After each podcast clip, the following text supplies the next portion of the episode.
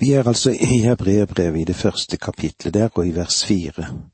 Slik er han blitt større enn englene, for det navn han har fått er så mye større enn deres. Vi kan vel òg ta med her at lovprisningen for fremtiden er et mål som vi har. Tenk, få lov å se fremover og hjemover. Han er blitt større enn englene. Ordet engel betyr ganske enkelt budbærer og det betyr ikke noe annet enn det. Engler tilber den Herre Jesus. De er skapte skapninger. Kristus er bedre enn englene. Og det uttrykket blir slått fast og er ubestridelig i hebreerbrevet. Det er mange som tror at Jesus Kristus i Det gamle testamentet ble henvist til som Herrens engel. Men i Det nye testamentet blir han et menneske og har fått en menneskes skikkelse. Han opptrer ikke som Herrens engel lenger. Han er mennesket Kristus Jesus. Han er menneskesønnen i dag. Menneskesønnen. Og det understrekes sterkt her i Hebreerbrevet. I Hebreerbrevet fem er det en serie med sitater fra Det gamle testamentet, ja, det er faktisk sju sitater og seks av dem ser en fra Salmenes bok.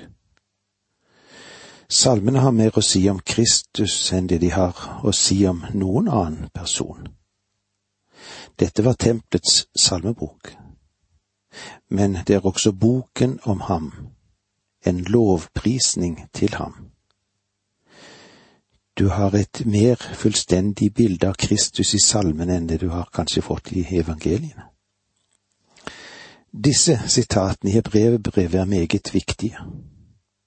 Forfatteren av hebreerbrevet siterer fra Det gamle testamentet for å understreke det punktet han reiser, som er Sønnens enestående stilling over englene. La oss se litt videre, vers fem i kapittel én. For til hvem av englene har Gud noen gang sagt, Du er min sønn, jeg har født deg i dag. Eller som det står, Jeg vil være en far for ham, og han skal være en sønn for meg. Det, du er min sønn, jeg har født deg i dag. Og det er et sitat fra Salme 2, vers 7. Og i Apostlenes gjerninger, kapittel 13, der finner vi et referat fra Paulus sin store tale i Antiokia, der han siterte fra Salme 2, vers 7. La oss ta det med oss, det som står i Salme to, sju. Jeg vil kunngjøre det Herren har fastsatt. Han sa til meg, Du er min sønn, jeg har født deg i dag. Paulus sa at dette ikke hadde noe, noen sammenheng med Betlehem, men at det henviste til Kristi oppstandelse da han ble ført tilbake fra de døde.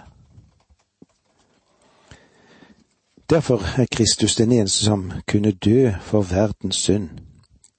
Det var ingen engel som kunne frelse oss.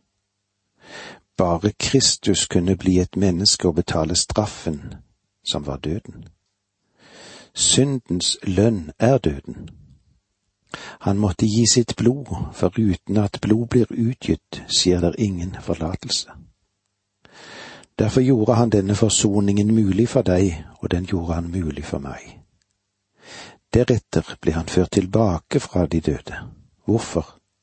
Fordi han er sønn. Han ble båret frem fra de døde. Jeg vil være en far for ham, og han skal være en sønn for meg. Ja, det er òg et sitat ifra en Samuels bok. Dette er Guds løfte til David da han gjorde en pakt med ham. La oss se det som står i Jan Samuels bok, kapittel syv, vers tolv til fjorten. Når din tid er til ende og du hviler hos dine fedre, da vil jeg la din sønn og etling stå fram som din etterfølger, og jeg vil stadfeste hans kongedømme. Han skal bygge et hus for mitt navn, og jeg vil trygge hans kongetrone til evig tid. Jeg vil være en far for ham, og han skal være en sønn for meg. Nå er det de som sier at denne sønn i Davids ettlinge var bare Salomo. Hebreerbrevet 1.5 gjør det helt klart at da Gud ga dette løftet til David, så henviste han til den Herre Jesus Kristus. Vi kan høre argumenter både for og imot dette, men argumenter er meningsløse når vi har den klare skriftsbekreftelse på at dette henviser til Kristus. Han alene har fullbyrdet det. Vers seks Når han så skal føre sin førstefødte inn i verden igjen, sier han, alle Guds engler skal tilbe ham. La meg få lov å stokke litt om på ordene. Eh, la oss ta med et sitat fra Salme 97,7. Og igjen fører han den enbårne inn i verden, han sier la alle Guds engler tilbe ham. Og det er òg noe som vi kan se i femte Mosebok i det 32. kapitlet der. Guds engler er herlige, men de er Sønnen underlegne. De er Hans engler. De er Hans tjenere, og de tilber ham. Han tilber dem ikke, men de tilber ham.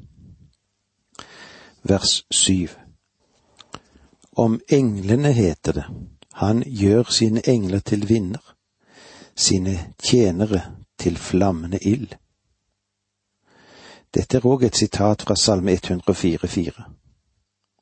Englene tilhører Herren, de er hans tjenere og hans tilbedere, og det er viktig at vi ser dette. La oss sitere for hverandre det som står i Salme 104, 4. Vindene gjør du til sendebud, ild og luer til dine tjenere. Hebreerbrevets forfatter viser oss at Kristus står over englene, og han bruker sitatet fra Det gamle testamentet for å vise det. Kan du se hvor uhyre viktig denne første delen av hebreerbrevet er? De to første kapitlene legger selve grunnvollen for resten av boken, som har å gjøre med Kristi nåværende tjeneste for dagens troende. Tenk om vi kunne være oss det mer bevisst at det er en levende Kristus som er ved Guds høyre hånd, og han er det i dette øyeblikk, og han vil være det for deg i dette øyeblikk. Uansett i hvilken situasjon du er, så er den levende Kristus ved Guds høyre hånd. Han er mer virkelig enn jeg er. For når du hører disse ordene, så er det ingen sikkerhet om hvor jeg er. Vi vet ikke hva denne dagen vil bringe. Men Kristus vil være ved Guds høyre hånd i dag. For hvem? For deg og for meg. Han er den virkelige levende og mektige Kristus i dag. Det er lett å forstå at engler var viktige for hebreerne, for de fleste av dem var vel kjent med dette fra Det gamle testamentet. De tenkte seg englene som vesener som sto nær Guds trone. De hadde lest om at engler hadde åpenbart seg for mange av Guds tjenere og for mange av profetene. Engler var viktige vesener for dem. Menneskelige vesener blir aldri engler. Gud har skapt dette univers slik at det er ting som er synlige og ting som er usynlige og i Kolosserbrevet 1.16 leser vi at Kristus skapte både det synlige og det usynlige. For eksempel kan du ikke se et atom, men det er en materie, og det blir energi. Gud skapte vesenet som står over mennesket. Du og jeg, vi lever i et univers om hvilket Herren har sagt. I min fars hus er det mange rom, eller hvileplasser. Gud har skapt en hvileplass for oss. Skapte vesenet lever i disse hvileplasser, og Gud har skapt en hel del mer i dette universet, ja, mye mer enn det du og jeg noensinne kan drømme om. Men mennesket sprang ikke frem av dyrene. Der er det et materielt rike. Det er et dyrerike. Og så har vi et menneskerike og et åndens rike. Og i dette åndens rike får vi lov til å fungere her og nå. Det er mye å takke Gud for. Og nå var det så langt vi kom i dag. Må Guds nåde og fred være med deg. Dette undervisningsprogrammet består av to deler. Åge Nevland fortsetter nå med andre del av dagens undervisning. Vi er i hebreerbrevet. Vi er i begynnelsen av hebreerbrevet, og eh, vi har stoppet litt opp for det som står i vers syv i det første kapitlet. Om englene heter det, han gjør sine engler til vinner, sine tjenere til flammende ild. Ordet engel, det betyr budbærer, og det kan jo passe både på mennesker og på guddommelige budbærere, det. Der finnes en skapningens orden som er overnaturlig, og det ser vi når vi går inn i Bibelen, i Skriften, og ser på dette. Det er så mange av de som blir kalt for himmelens hær, og Jesus sa i Getseman at han kunne mønstre. Ja, hvor mange var det han sa? I Matteus 26, 53. Tolv legioner engler. Og det er en hel del, det, når en legion var ca. 6000 enheter. Deres antall minsker ikke, og øker heller ikke. Men vi har ingen idé om hvor mange engler det finnes. Det vi vet, er at de har en viktig del å gjøre i Guds plan. Men Kristus, han står over alle englene. La oss gå litt videre. Vi leser da i versene åtte og ni i brevbrevet én. Men om Sønnen sier han, din trone, Gud står til evig tid. Rettferdsstav er din kongestav. Du har elsket rettferd og hatet urett. Derfor, Gud, har din Gud salvet deg med gledens olje fremfor dine frender. Disse versene er et sitat fra Salme 54, versene 7 og 8, og som viser at dette er en av de store Messias-salmene. Salme 45 forteller oss at det er en som kommer i Davids ettlinje, som skal herske i rettferdighet.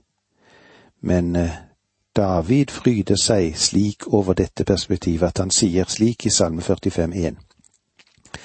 Min tunge er som griffelen til, et, til en dyktig skriver. David sier, jeg kunne fortelle dette for dere bedre enn jeg kunne makte å skrive om det. Han som kommer, ifølge hebreerbrevet den Herre Jesus Kristus, han er den som skal herske i rettferdighet. Gud har ikke gitt rett, rettigheten til å herske over jorden til noen engel. Den har han gitt til menneskesønn. Du har elsket rettferd og hatet urett. Dette er et mektig uttrykk. Tenk deg det den gamle jord som ble styrt av en som elsker rettferdighet og hater urett. Din trone, Gud,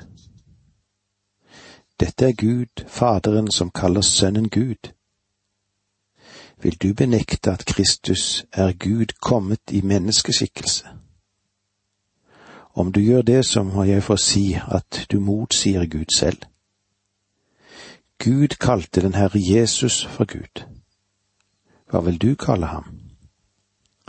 Jeg vet ikke hva du vil gjøre, men jeg, jeg vil kalle ham for Gud. Han er Gud kommet i kjød.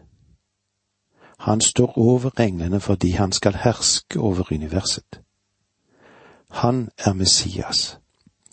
Han er kongenes konge. Han er herrenes herre. Det er han som skal herske over jorden en dag. Versene ti til tolv. Og videre, du Herre, i begynnelsen grunnla du jorden, og himmelen er et verk av dine hender.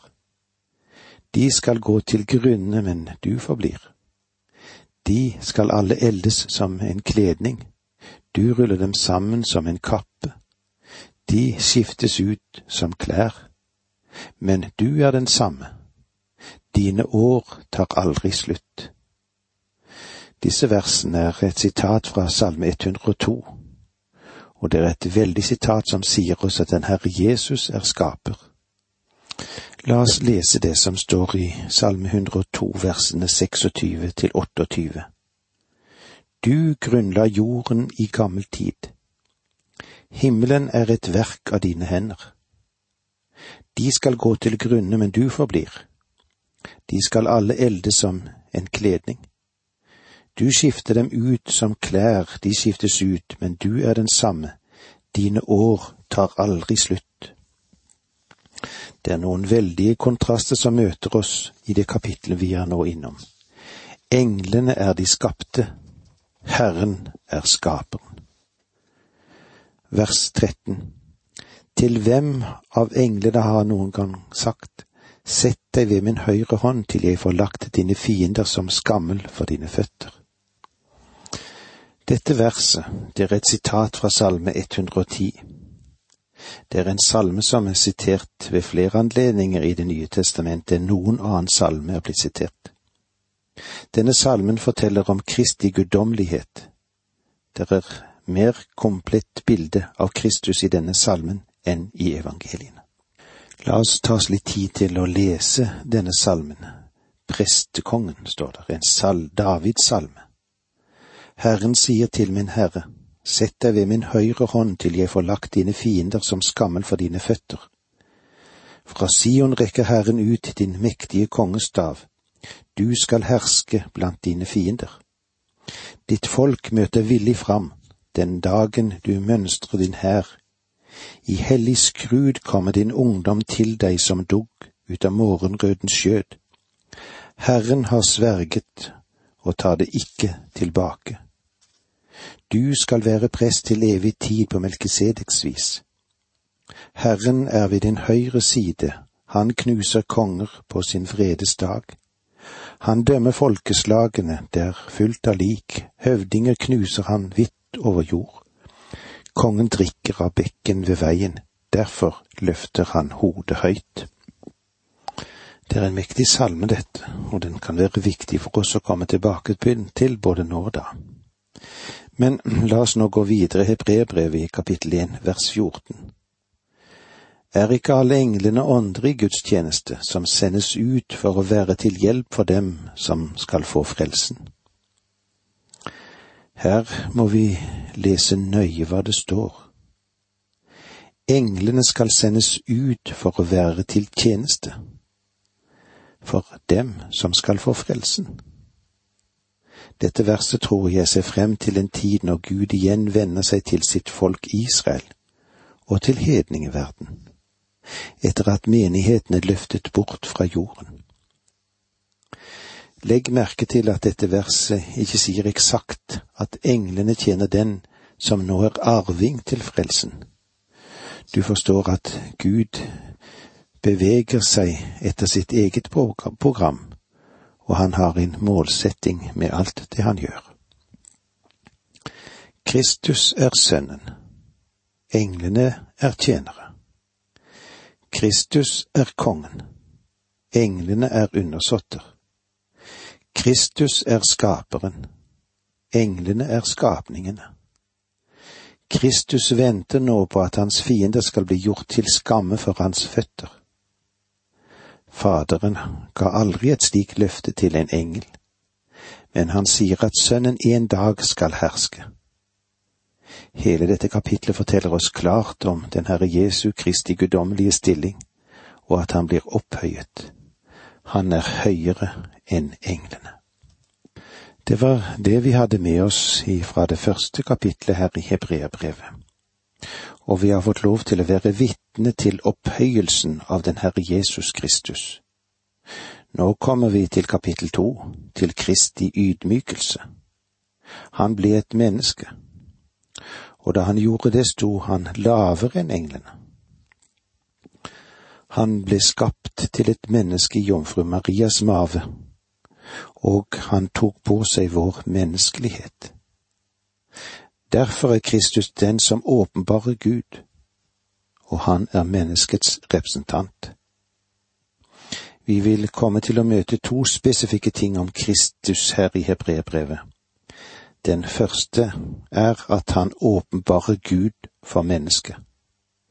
Og det andre, han representerer mennesket for Gud. Tenk deg, vi har en representant i himmelen. Jeg har en som representerer meg i himmelen. Jeg har en som står der nettopp for min skyld. Jeg vet ikke hvordan du har det, men hvordan er det når vi ser på de som er valgt som våre representanter i politisk sammenheng? De er valgt til å representere meg, men eh, det er ikke alltid de gjør det. Det kjempes på bakgrunn av prestisje og programdetaljer, og det er ikke alltid vi får den forståelse av at mennesket står i sentrum. Men stemmene våre, det vil de ha, og da er vi dyrebare alle sammen. Det er vidunderlig å ha en som representerer meg for Gud, en som virkelig representerer meg og deg, og det er godt å vite at vi har noen der for vår skyld, fordi Skriften forteller oss at Satan, han som anklager oss, har adgang til Gud og anklager oss dag og natt. Satan forteller nok Gud mange tvilsomme ting om oss, og da er jeg så takknemlig fordi jeg har en som går god for meg i himmelen. Er du takknemlig for det? Takk for nå, må Gud være med deg.